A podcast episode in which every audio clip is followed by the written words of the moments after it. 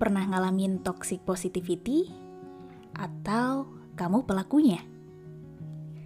Selamat datang dalam podcast dari rumah. Mari menjadi rumah yang ramah bersama podcast dari rumah. Hai, apa kabar? Semoga sehat ya. Berasa lama banget gak nyapa teman-teman. Oke, masih bersama aku Niki dalam podcast dari rumah ini bakal nemenin kamu dengan satu pembahasan yang sebenarnya udah agak lama banget jadi perbincangan tapi pengen banget aku omongin. Ya, kalian pasti pernah dengar atau baca kata-kata yuk, bisa yuk, bisa dong, masa gitu aja gak bisa? Atau ada temen yang pernah bilang, kamu masih beruntung sih daripada yang lain. Ya, sekilas kalau kita dengar kata-kata itu benar juga.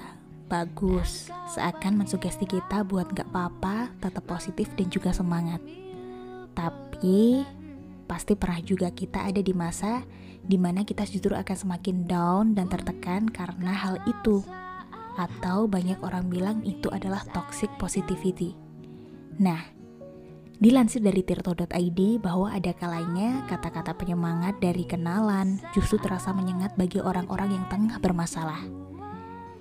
Bagi sebagian orang, kadang ujaran penyemangat cukup ampuh mematahkan pikiran dan perasaan buruk mereka. Namun, ada juga yang menganggap hal tersebut justru membuat mereka semakin merasa kecil diri, bahkan bisa menjadi pemicu gangguan psikis. Pasti pernah dong kita ngerasa justru tambah kesel dan juga mood kita berantakan ketika sewaktu kita ada masalah, kita itu butuh banget buat didengar, mengungkapkan perasaan kita, dan cerita sampai tuntas. Tapi sebelum semuanya selesai, apa yang kita sampaikan udah dipotong aja dengan kata-kata Udah, jangan dipikirin terus. Harusnya sih kamu bersyukur, karena di luar sana masih banyak yang masalahnya lebih berat dari kamu. Seketika, pasti mood kita berantakan dan ngerasa nggak nyaman. Dilansir dari Alo Dokter, marah, sedih, sakit, dan kecewa merupakan bentuk emosi yang normal dalam setiap manusia. Tapi tentu saja kita harus bisa mengontrolnya. Ada beberapa hal yang bisa kita lakukan jika ada perilaku orang lain yang membuat kita merasakan toxic positivity. Salah satunya dalam majalah Smartin edisi 104 disampaikan bahwa hal pertama yang bisa kita lakukan adalah kita harus sering berdialog dengan diri kita sendiri. Dengan kita bisa belajar memahami kelebihan kita dan kekurangan diri kita, akan membentuk mental kita menjadi lebih baik dan lebih kuat secara emosi. Selain itu, hal lain yang bisa kita lakukan adalah mengurangi membuka media sosial. Kadang tanpa kita sadari, toksik itu juga datang dari media sosial itu sendiri. Dan juga salah satu hal yang menjadi healing aku pribadi adalah dengan menuliskan apa yang kita rasakan atau tentang perasaan kita dalam sebuah notes khusus. Secara pribadi, ini sangat bermanfaat banget buat memperbaiki suasana hati aku. Apa pun yang sedang kamu rasakan, coba tuangkan dalam tulisan.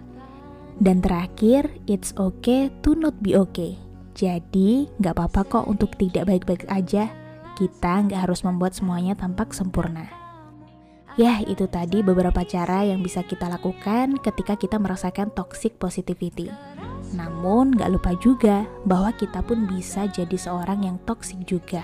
Apalagi buat aku atau kamu yang sering jadi teman curhat. Sebisa mungkin, kita harus menjadi pendengar yang baik dan gak buru-buru buat menyemangati dan memberi nasihat. Pernah ada yang bilang begini, jadilah pendengar untuk mengerti, bukan menjadi pendengar untuk menghakimi. Terima kasih. Jika menurutmu konten ini baik, tolong bantu sebarluaskan ya. Namun, jika konten ini ada yang kurang, tolong bantu perbaiki dengan memberi saran. Sampai jumpa di episode podcast dari rumah selanjutnya.